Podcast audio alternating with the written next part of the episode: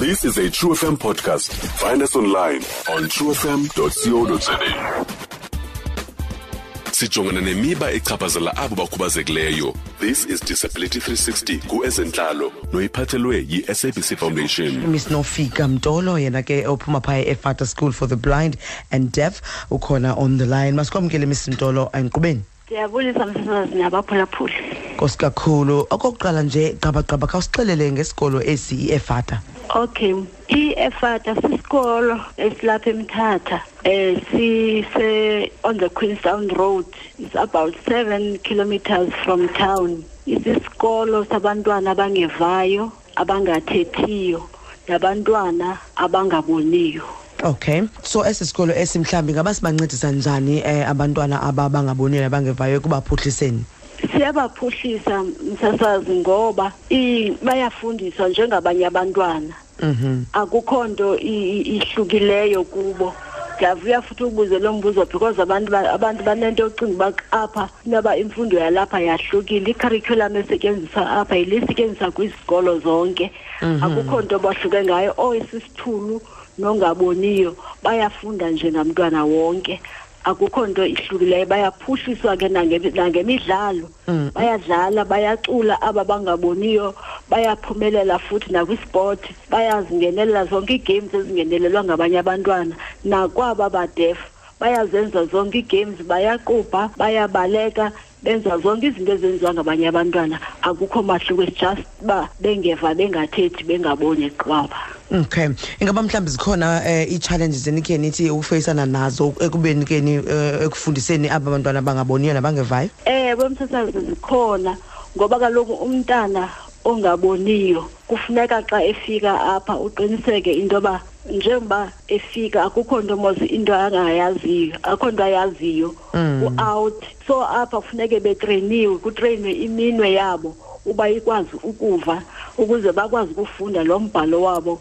Obhaliweyo kuthiwa yibraille umbhalo ke olungiselelwe bona umbhalo ongamaqhaqhuva kweli labantwana abangevayo nabo abanye babo bafika bengawazi even amagama abo esebenza apha. Funeka ibe yitishala enomonde ezokwazi uba imtreyini umntana imbhalele igama lakhe imleyibhele so that umntana aqhelane negama lakhe. Amane badibanisa namanye amagama umntana akwazi ukutshuza uba nale lam igama nantsi yam ifani. Engekaqaliswa ekubeni atishwe kona xa sekutishwa ke ngoku funeke kusetyenziswe imi izandla because bas, bas, bas, aba bangevayo nabangathethiyo basebenzisa i-sign language.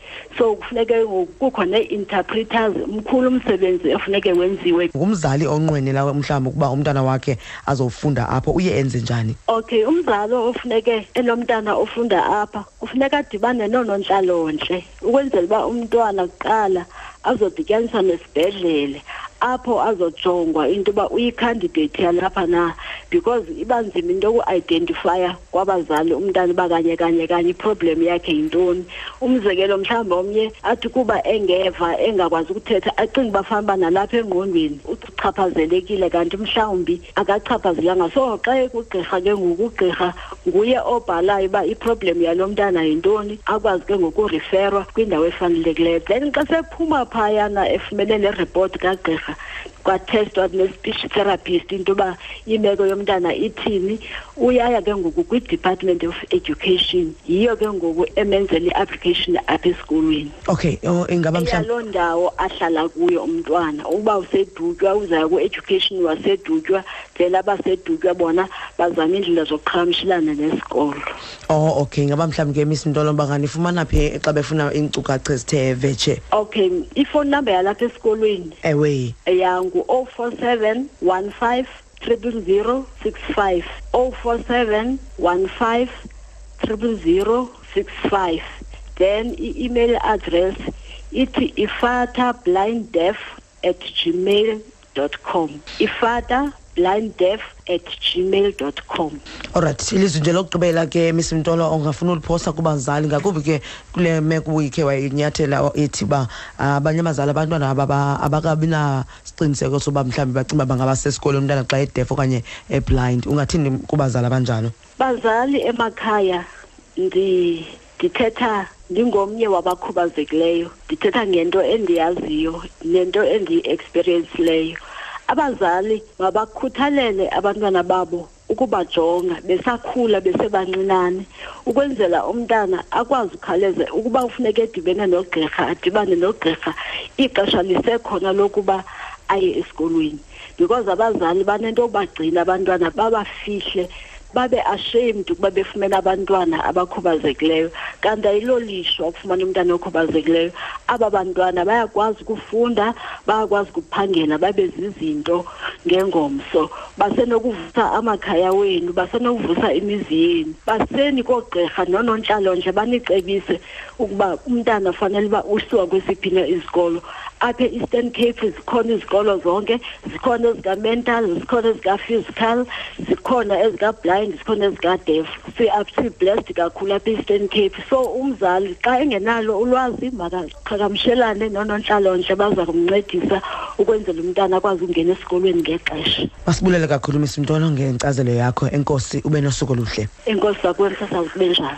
Alright kuye kaloku nokufika mtolo lona from phayana ifata school for the blind and deaf. Ebesicacisela ke okokubana ifata le ingaba ke kwenziwa ntoni napha kanye kanye kwesaa sikolo. Idisability 360 ubuyiphathelwe yitrue fm ibambisene ne-sabc foundation. For more disability content visit sabc disability 360 on facebook or follow at sabc disability on twitter. Stream True FM online on truefm.co.za. sikho yonke indawo ngalo lonke ixesha like no one else